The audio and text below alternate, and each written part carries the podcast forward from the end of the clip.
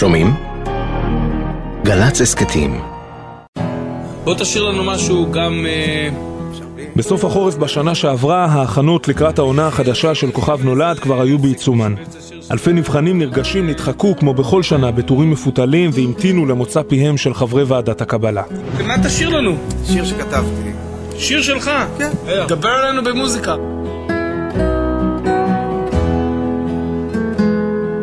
מאחורי הקלעים מתרוצץ בלי הפסקה דורון מדלי. כבר ארבע שנים הוא מנהל את ההפקה של כוכב נולד. הוא זה שהציע ליהודה סעדו לשיר בגמר את שדות של אירוסים. הוא זה שהמליץ להראל סקאט לבצע את הנני כאן. כשהסתיימו ימי המבחנים, מדלי מחליט לקחת חופשה קצרה, לאסוף כוחות לקראת עומס העבודה שידע שעוד צפוי לו עם עליית תוכנית הטלוויזיה לאוויר. פה היינו פה חמישה חברים, בפסח התחשקנו אה, לבוא לצימר בצפון. חבר'ה נחמדים, משפחת ברויר, מושב אה, בית הלל. את חופשת הפסח מדלי והחברים העבירו בבקתות העץ של משפחת ברויר, בקצה מושב בית הלל, חמישה קילומטר מגבול הצפון. החבר'ה מתל אביב נקשרו כמעט מיד אל בעלי הבית. אליורה שהשאירה להם עוגת תפוחים מצוינת על השולחן בחדר, ואליורם שסיפר על שלושת הילדים שלהם, טל, רון ודן. ישנו פה ופה ובחדר, וטיילנו המון באזור, והדשא, שכבנו וקראנו עיתונים, ודיברנו הרבה, זמן איכות. חודשיים אחר כך התלקח השקט בבית הלל. מתיחות בגבול הצפון, בחצי השעה האחרונה נשמעו קולות ירי לאורך הגבול. ככל הנראה ירי לעבר אה, מוצבים ולעבר יישובים ישראלים. התקפה אה, משולבת של החיזבאללה. תוך כדי האירועים הבוקר, חיזבאללה מודיע, הם חטפו שני חיילים בגבול הצפון. כבר ב-10 בבוקר ביום פתיחת המלחמה נקראו תושבי המושב להיכנס למקלטים. בימים ובשבועות שיבואו אחר כך, יגויסו השכנים למילואים. גם דן, בנם של ליאורה ויורם, בעלי הצימר, מפקד טנק בשריון, יעלה ללבנון.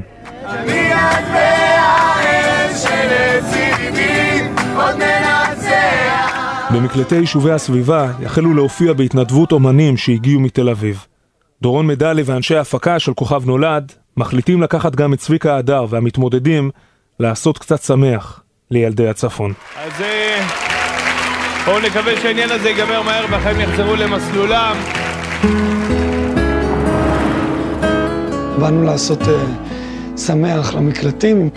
אני לא אשכח שעברתי והסתכלתי ימינה מהכביש למושב, רואים את כל העצים, את כל הירוק. וברקע יש גם עשן, עשן, עשן, בום, בום. הנוף אותו נוף, העונה אותה עונה. חודשיים לפני זה אותו מקום, הוא כל כך יפה וכל כך כיפי. חודשיים אחרי זה הוא המקום הכי מפחיד, ואני רק רוצה לחזור לתל אביב. כמה ימים לאחר שחזר לתל אביב, מקבל מדלי טלפון מהחברים שיצאו איתו לחופשה בבית הלל. תפתח את העיתון, הם אומרים לו. יש שם תמונה של שריונר שנפל אתמול. הבן של ליאורה ויורם, בעלי הצימר. הם הבינו שזה הוא, והוא הבן שלהם. ואני זוכר שישבנו כולנו בסלון בתל אביב, וממש אה, חשבנו, מה, אולי נעשה משהו, אולי נתקשר אליהם, אולי נבוא אליהם. כמובן שירדנו מזה. ארבעה חיילי צה"ל נוספים נהרגו הערב בקרבות בלבנון. החיילים נהרגו בסמוך לכפר שקיף אנימל. צפונית מערבית לבינג'בל מפגיעת טיל נגד טנקים. מוקדם יותר הערב נורה טיל נגד טנקים לתוך בית. בו שהו חיילי חיל רגלים. חייל אחד נהרג. לאחר שתמו שבעת ימי האבל על דן, תמה גם המלחמה. העשן המחניק על הגבעות התפזר, והעיניים שוב היו לחות רק מעצבות. רק כמה חודשים אחר כך עזר יורם מספיק אומץ כדי להיכנס בפעם הראשונה לחדרו של הבן, דן. אחרי כמה חודשים שככה היה לי אומץ להיכנס לחדר, מצאתי את הקלמר הזה. זה היה קלמר אדום, עשוי בד גס עם רוכסן ארוך שנתפר לאורכו. כשיורם פתח אותו, נגלה לו ולאשתו ליאורה עולם חדש. מצאתי כל מיני התכתבויות שלו ומצאתי כמה שירים שהוא כתב. החלטתי שאני רוצה שלפחות אחד השירים יולחן. כיוון שאני מכיר את ההורים של עידן רייכלר, הם חברים טובים שלי, אז פניתי אליהם, ועידן המליץ על בחור בשם דורון. התקשרה אימא של עידן רייכל, והתחילה לספר לי, יש לי זוג חברים שגר לידינו, והבן שלהם נהרג במלחמה, והם גילו שהוא היה כותב שירים.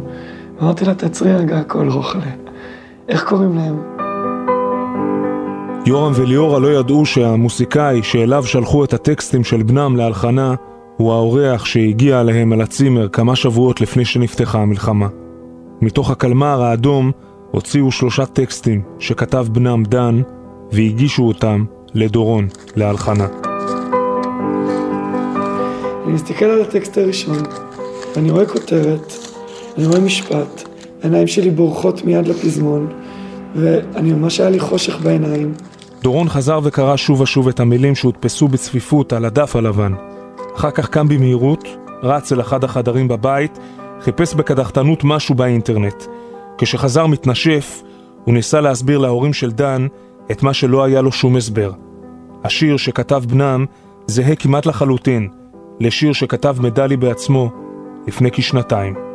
הטקסט שהיה לי מול העיניים היה, הכותרת שלו יאספו הלילות, והפזמון הוא אה, יעברו ימים, יאספו לילות, ונחזור להיות תמימים ונחזור לחלומות, ולבד אני אהיה לבד מאוד.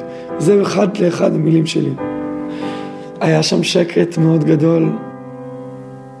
אני זוכר שליאורה פתאום אה, הפציצה לחלל האוויר עם שאלה קוסמית ומיסטית, שאומרת, אז מה אתה אומר? זה בעצם היה כתוב שהוא ימות ואנחנו נבוא אליך.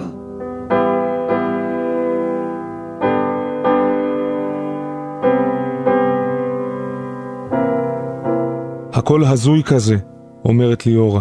נטול הסברים, אבל עמוס במשמעות. הקיץ בצימר שלפני המלחמה, והטקסטים שהתגלגלו דווקא אל דורון, ואחר כך ההבנה שדן כתב משפטים כמעט זהים למשפטים שכתב מוסיקאי שלא הכיר. בין המוות לחיים, בין כדאי או לא כדאי, אמשיך להתנדנד. ערב יום הזיכרון יושב דורון על הפסנתר בבית של ליאורה ויורם בבית הלל ומנגן להם את השיר שהלחין לפי מילותיו של בנם, דן. את הלחן הוא מספר להם, העברתי לשלומי שבת ופבלו רוזנברג שישירו את השיר במסגרת פרויקט הזיכרון של גלי צה"ל. מביט בך בשתיקה.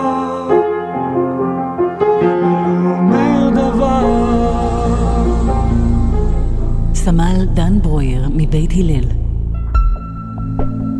מפקד טנק בגדוד 53 של חיל השריון נהרג מפגיעת טיל נ"ט בטנק שעליו פיקד צפונית לעיירה בינג'בל ביום ה-32 של מלחמת לבנון השנייה, בן 20 בנופלו. נטמן בבית העלמין במושב בית הלל. לאחר מותו נמצאו בין חפציו שירים שכתב, מתוכם בחרו פבלו רוזנברג ושלומי שבת לבצע את השיר "מביט בך בשתיקה". זה אחד השירים שאני שומע אותו אחרי שהקלטנו אותו די הרבה, כי בדרך כלל אני, כשאני מקליט משהו אני שומע אותו כמה פעמים לראות שזה בסדר וזהו. אני מאוד אהבתי שזה גם שיר אהבה נכון. שדן ברויר כתב לאחת מהחברות שלו ואנחנו לא יודעים למי.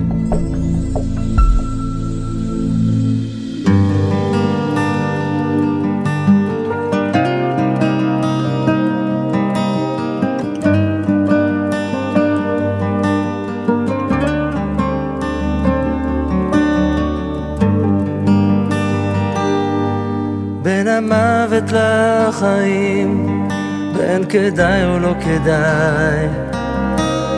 אמשיך להתנדנד עד שתחזרי אליי. על כורסת אור בשמיים, שם האלוהים יושב, הוא מביט בשעשוע, משחק לי עם הלב. מביט בך בשתיקה,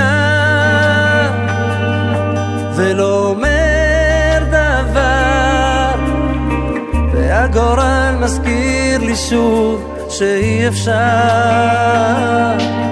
הדברים שאת אמרת לא ישנו את המצב, הרגשות שלי אלייך רק מייסרים אותי עכשיו. מייסרים אותי עכשיו.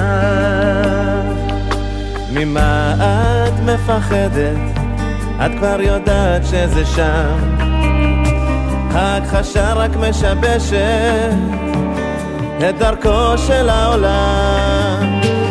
על כורסת אור בשמיים, שם האלוקים יושב, ומביט בשעשוע, משחק לי עם הלב. מביט בך בשתיקה, ולא אומר והגורל מזכיר לי שוב שאי אפשר. הדברים שאת אמרת לא ישנו את המצב, הרגשות שלי אלייך רק מייסרים אותי עכשיו. מייסרים אותי עכשיו.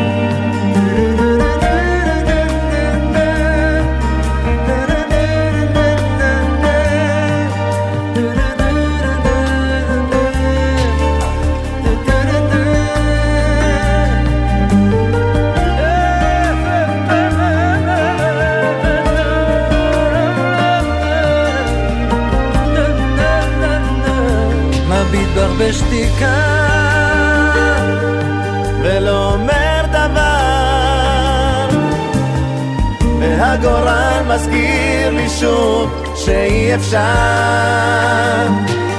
הדברים שאת אמרת לא ישנו את המצב. הרגשות שלי אלייך רק מייסרים אותי עכשיו. מייסרים אותי עכשיו. יושב לי מול חלון פתוח גם הגשם לא שכח. הוא מזכיר שכל מה שיש לי זה כלום. אם אין לי אותה